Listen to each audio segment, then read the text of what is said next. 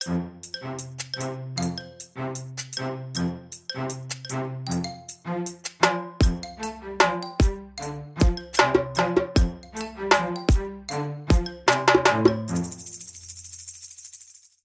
välkomna tillbaka till Stacken tillsammans med mig, Daniel Gustafsson och Kim Hindart. Hubba! Idag ska vi fortsätta prata lite grann eh, där vi slutade förra veckan. Förra veckan hade vi lite så här allmänt promotion, vad är City Network? Om vi som bolag och vår affärsstrategi, lite sådana saker. Men idag ska vi prata lite mer om vad vi faktiskt praktiskt gör i vårt moln och väldigt grundläggande förklara vad är ett moln och hur funkar det när du avropar resurser från oss i ja. publika moln? Till att börja med vill jag tillägga och göra lite korrigeringar från förra gången. Vi hade faktiskt fel då. Fair, ska vi börja i rätt ordning? Okej, okay, lus, vår... så fy då. Här får vi äga vårt misstag. Ja, nu pratar exakt. vi Braving Inventory, nu ja. äger vi vårt misstag. Kim, ja. vänligen mm. berätta vad vi hade fel förra veckan. Ja, och det var en kollega. Tack Johan, det är jättebra att du påminner oss. Men mm. vi har sju regioner, jag tror vi sa sex och vi har sju regioner. Ja, det ska helt korrekt ska vara korrekt. Mm. Det, det, det visar bara på att jag och Daniel är gamla stofiler, så ni förstår. Så vi hänger inte ens med ens. Så, vi är inaktuella i vår teknikleverans. Vill ni få de senaste tekniken så måste ni fråga våra teknikpojkar, för att vi är... ja. ja. Och 2014 drog vi igång eh, vårt City Cloud baserat på OpenStack.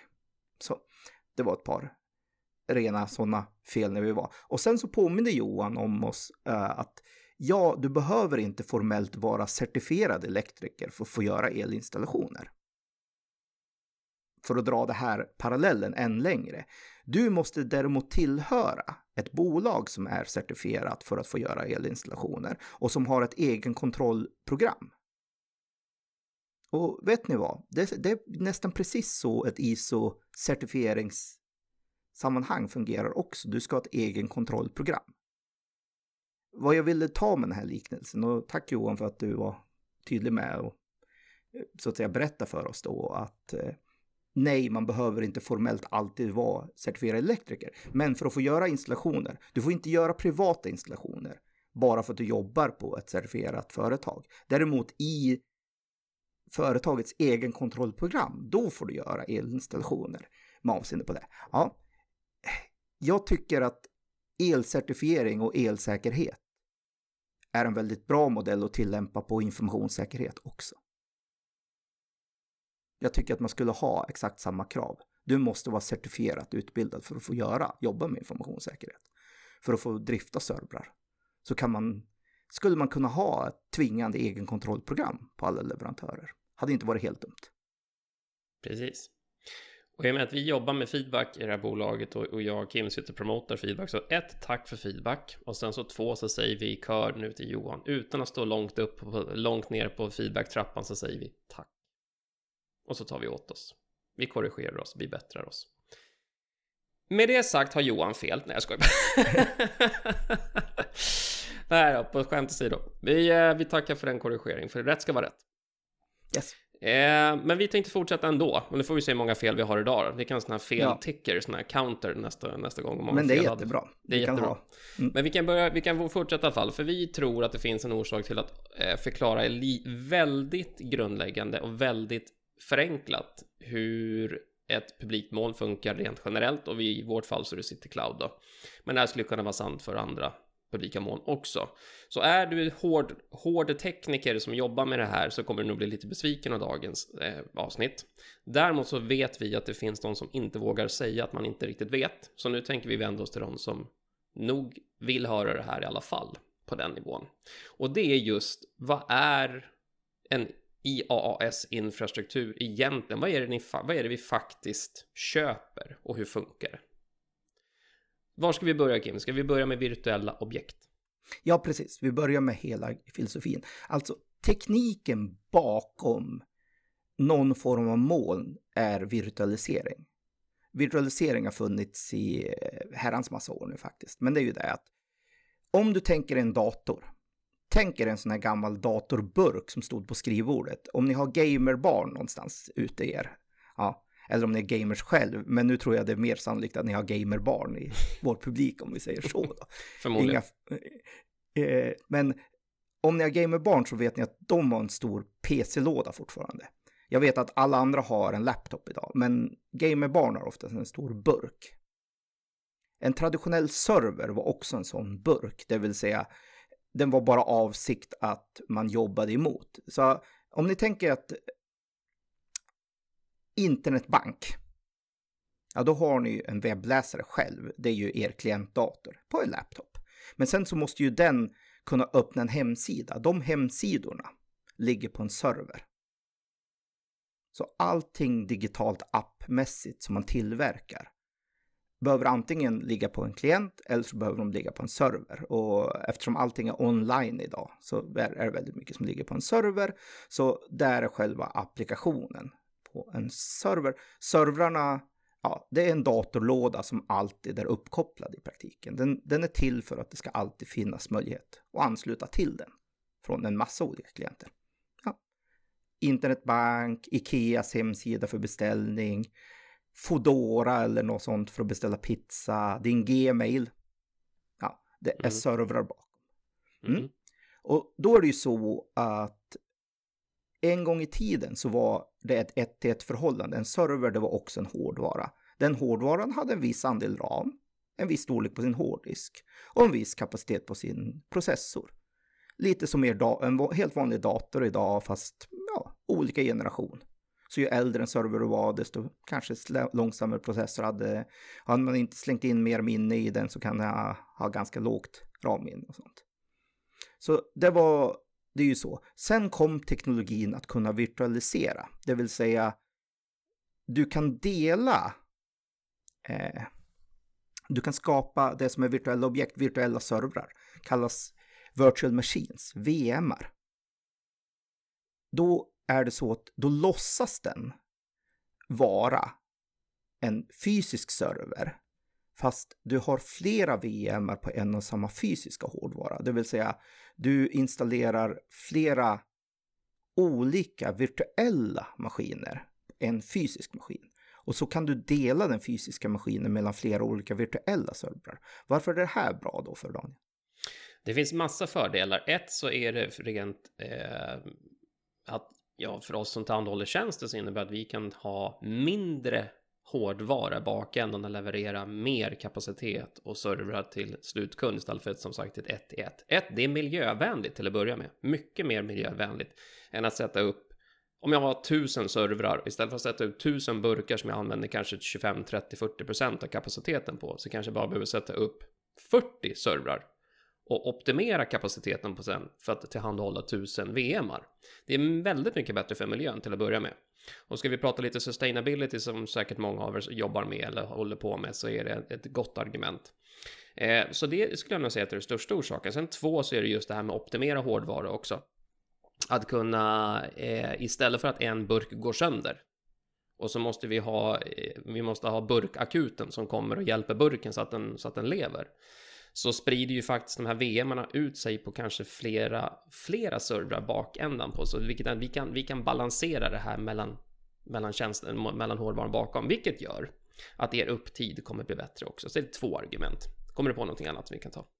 Nej, mer att när allting blir digitalt, så det här är en digital datafil, då kan man ju också göra det här med att skapa en server, installera program på en server programmatiskt. Så att här blir allting att du kan jobba med allting som kod. Du kan så att säga programmera en installation av en server utan att du behöver ha någon fysisk sladd eller något sånt. Du behöver inte tänka på de fysiska kopplingarna längre. Du kan gå in och säga nu behöver jag en server. Om jag behöver beställa en server i, på ett företag i den fysiska världen, ja då måste jag säga åt teknikerna att beställa en server. De måste beställa det från sin leverantör, det måste skickas och budas och de måste gå in i datahallen och skruva upp den och sen koppla in ström och nätverk. Och troligen då installera även ett operativsystem på själva servern för att den ska fungera. Det behöver du inte göra i den virtuella världen, för där kan du med programmatisk grej beställa det virtuellt eftersom allting är ändå datafiler. Så en virtuell objekt är en enda stor datafil, men när du kör den mot vad som kallas hypervisor eller virtualiseringsenhet så att säga, så beter den sig precis som sin fysiska motsvarighet. Och då är det ju bara så att för att vara tydlig, idag kan du virtualisera mycket mer än bara server. Du kan virtualisera en switch, du kan virtualisera en brandväg, du kan virtualisera en lastbalanserare, du kan virtualisera en router. Allt det här är sådana här grejer som man brukar ha i företags deployment-nätverk för att liksom se till att man har sin miljö uppe. Och allt sånt kan agera som virtuella objekt. Det är det vi pratar om virtuella objekt, alltså virtualiserad. Någonting som normalt finns i en fysisk datahall som vi har, som du kan beställa virtuellt. Mm. En virtuellt objekt. Och ja, där är det ju så, så hela grejen med att just kunna dela det, för om du tänker dig att du har en sån här gaming-PC stående hemma med väldigt hög kapacitet. Den är ju använd väldigt lite ur tidsaspekt. Så vill man optimera det så skulle man ju vilja att folk kan spela, flera olika människor kan spela på den maskinen dygnet runt. Men som enskild människa kan man inte göra det, utan man, ibland sover vi, ibland gör vi någonting annat. Här är ju just virtuella servrar också bra på just att du kan dela det över tid, det vill säga du kan ha flera olika virtuella maskiner. Och sen så kan de dela över tid. Ja, då är det inte säkert att man som ensam som företag har fullt behov av det hela tiden. Man kanske inte har behov av mer än tre servrar. Mm. Och de kanske inte används helt. Ja, det här är ju fördelen då med oss moln. Vi kan dela det över många olika kunder. Mm. Det är det som är tricket. Så vi har en virtualiseringsteknik i botten som bygger på OpenStack och bygger på KVM, men det är mest bara för att vi har det så. Mm. Det finns många andra varianter. VMware finns det ett känt, mm. så just virtualisering. Och sen finns det annat känt för virtualisering, men det är ändå flera, finns flera olika varianter av virtualisering. Och Microsoft har en Hyper-V-variant mm. av mm. virtualisering. Men vi använder oss av open source-baserat och då är det OpenStack och KVM. Mm. Och då kan du beställa så kallade virtuella objekt, det vill säga jag vill ha en switch, jag vill ha ett nätverk, jag vill ha en server och jag vill ha en brandvägg. Allt det här kan du via vårt interface beställa. Och då är det antingen ett programinterface, så du kan beställa helt programmatiskt. Du kan baka in det i din egen källkod mm. när du bygger en app. Eller så kan du göra det via ett gränssnitt på nätet. Mm. Mm. Och då är det ju och som jag sa, virtuella objekt beter sig då när de kör virtuellt som fysiska. Allt det här är ju en konfiguration, precis som ni har en hemrouter hemma som ni får internet genom. Den ska konfigureras någonstans. Många kanske glömmer det, för många låter den bara stå där. Men när den väl får strömavbrott och sånt och hakar upp sig, mm -hmm. ja, det är då man vet att det var vem attans, vem tusan i familjen var det nu som satte upp den här åt oss. Det Just brukar det. vara en person som ja. gör det. Och det var någon distan av, av, avdistanserad kusin som vi sällan pratar med, som och det är ja. kört och kommer ihåg hur det funkar. Precis, ja, precis. Exakt. Ja. man. ja. ja, mm. nej, så, men i alla fall, allt det här ska konfigureras. Och då är det så att all konfiguration inne i de här virtuella objekten, och märk väl, det är en virtuell server, så det är faktiskt en riktig, riktig dator, fast virtuell, som du kan installera program på. Mm. Du kan bygga ner ett program och installera på det på den. Eh, ja, de, allt det är så att säga då kundens ansvar. Det är det. Vi tillhandahåller miljön där du kan avropa och skapa de här virtuella objekten. Och vi interagerar med kundens grejer baserat på de här virtuella objekten i sig. Det är alltså stora datafiler och så ibland behöver vi flytta en datafil från en fysisk hårdvara till en annan. Då gör vi det. Mm. Vi behöver ibland ja, köra underhåll på viss hårdvara. Ja, då skiftar vi om de virtuella objekten från det. Men vi interagerar aldrig inuti dem, så att säga. Men då kan ju du som kund skapa upp virtuella hårddiskar. Och en mm. hårddisk kan du spara vad du vill på digitalt. Mm. Du kan spara videofiler, du kan göra databaser, du kan göra väldigt mycket på de virtuella objekten. Men vi som leverantör av IAS, vi är aldrig inne i de virtuella objekten i sig. Det är en ganska tydlig, viktig skillnad här. Där brukar vi prata några ord om det just avgränsningen där. Att om mm. jag startar upp ett konto i City Cloud eller Amazon AWS mm. eller någon annan publik molntjänst och så, så registrerar jag en, en user där. Då är jag som kund ansvarig för allting som jag själv skapar i min virtuella miljö. Alla de objekten som Kim pratade om precis som. Allt de jag sätter upp är mitt ansvar som kund. Där går inte vi som IAS-leverantörer in och pillar alls överhuvudtaget. Eh, det är en ganska anonym, eh, oftast ganska anonym relation mellan en, en IAS-användare och en IAS-leverantör.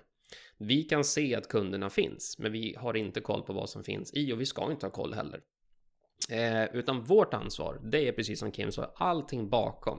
Hallen, nätverksutrustningen, fysiska servrar, routrar, switchar, internetförbindelser, eh, brandväggar som, sky som skyddar hela infrastrukturen, yttre och inre skalskydd. Det är vårt ansvar och det ser vi till att det finns. Men så fort du som kund lanserar din egna virtuella tjänst i vårt moln så äger du ansvaret 100%. Normalt, nu kan man skifta på det här med support, supportpaket och bla bla bla. Men normalt beteende så är jag 100% ansvarig för det jag själv satte upp. Och det här är en distinktion som kan vara lite annorlunda om jag är van vid vanlig traditionell outsourcing, om vi ska kalla det för det. Eh, om ni är van vid det så har ni förmodligen ett helhetsavtal med en leverantör där de äger ax till limpa, inte bara att det finns en infrastruktur utan även det virtuella lagret och de servrar och applikationer som ni sätter där äger även oftast leverantören ansvar för att uppdatera själv eller uppdatera åt er. Så att det finns en klar gräns där, att vi, vi drar en gräns i sanden som säger just vid den virtuella eh, eh, miljön. Där börjar kundens ansvar. Om så, inget annat avhandlas eller upphandlas. Så, där är det ju så, så det finns ju många som kan leverera ovanpå oss också. Mm. Det här är ju så att det är ju inte Amazon själv som bygger alla applikationer som körs i Amazon. Nej den ansenlig mängd företag som bygger sina applikationer och sen kör det i Amazons miljö. Samma sak har vi det. Mm. Du som applikationsleverantör eller tjänstleverantör till andra företag kan ju bygga din tjänst, sen bara välja att köra infrastrukturen i City Cloud istället för att köpa egen serverhårdvara och hyra in mm. det i en datahall någonstans. Mm. Det kan man absolut göra och det är ju det som vi någonstans mycket lever på. Men vi ser inte annat än att vi ser virtuella objekt. Vi går inte in normalt och tittar innehållet på. Nej. Så vi vet inte vad de innehåller. Det här blir ju lite speciellt när det gäller till exempel en sån sak som personuppgifter och GDPR. Ja, det vi gör det är ju att vi måste behandla alla våra virtuella objekt med samma säkerhet som om de hade personuppgifter. Mm. Det är ju det som är hela filosofin, för eftersom vi inte vet om det finns personuppgifter eller Nej. inte, då måste vi behandla som om de har personuppgifter. Fördelen är ju att vi är mer ansvariga då för att säkerställa att man inte fysiskt kan bryta sig in och stjäla hårddiskar där den virtuella informationen finns sparad. Mm. Så vi ansvarar för säkerheten av fysiska hårddiskar till stor del. Men det betyder inte att de är per automatik säkra för intrång utifrån. För det är också väldigt mycket vad man som kund gör i de virtuella objekten. Mm. mm. Mm. Det finns, man kan konfigurera säkerhet i virtuella objekt också. Så vi har säkerhet av de virtuella objekten. Men sen så finns det hur man sätter upp och bygger sin applikation inuti dem också. Som gör att säkerhet. Och här blir det då kundens ansvar. Men det är ett delat ansvar. Och med det sagt så finns det ju sådana som köper tjänster. Där kanske vi bara är själva infrastrukturleverantören. Och så finns det någon som levererar tjänster ovanpå vår infrastruktur. Lite på samma sätt som vi köper mycket hårdvara från Dell. Mm. Det är inte Dell som levererar molntjänsten. Det sitter Network. Men mm. det är på Dell hårdvara vi köper det. Så det finns flera led här neråt. Alltså, för att bygga ett fungerande moln. Men IAS-delen, där är det väldigt att det är vid de virtuella objekten ansvarsgränsen går. Mm. Vi tillhandahåller programmöjligheten att skapa virtuella objekt. Mm. Och ser till att det finns en bakomliggande fysisk kapacitet i form av compute, storage och networking till dem. Just Men sen så är det du som kund som skapar grejerna och förutsättningarna vad du vill i dem. Precis. Och då kommer vi lite osökt in på nästa grej som kan vara en stor huvudvärk och en smärta om man inte är van att jobba i S-moln. Och det är just om jag sätter upp en server med min applikation på i en region, som det så vackert kallas för. För när man loggar in i exempelvis vår kontrollpanel så kommer ni se flera olika eh, tillgänglighetszoner eller regioner. Inte bara Sverige utan även ute i Tyskland, England, Tokyo, Dubai och lite sådana saker. Och då kan man ju distribuera sina tjänster i de här olika regionerna. Men säg då att jag sätter upp en server med min applikation på och så går den ner. Då kommer tyvärr alla IS-leverantörer ha stansen att du som kund har ett ansvar i också att sätta upp en nummer två-server eller någon form av redundans. Helst i en annan region så att du inte står och faller med en och samma hall heller. För någonting kan ju hända. det, det kan gå sönder saker. Utrustning kan gå ner, tillgänglighet kan försvinna, vad det nu än är för någonting. Eh, och går den då ner och den försvinner, då finns det oftast en jättestor frustration av att men min server är ju nere, ni måste förstå att jag har panik, absolut. Och då, och det förstår vi för att vara tydliga, vi har full förståelse för det. Men det som jag som kund måste ha med mig när jag går in i ett e IAS-moln, att jag behöver sätta upp en redundans. Och det där finns fler regioner att kunna utnyttja det till.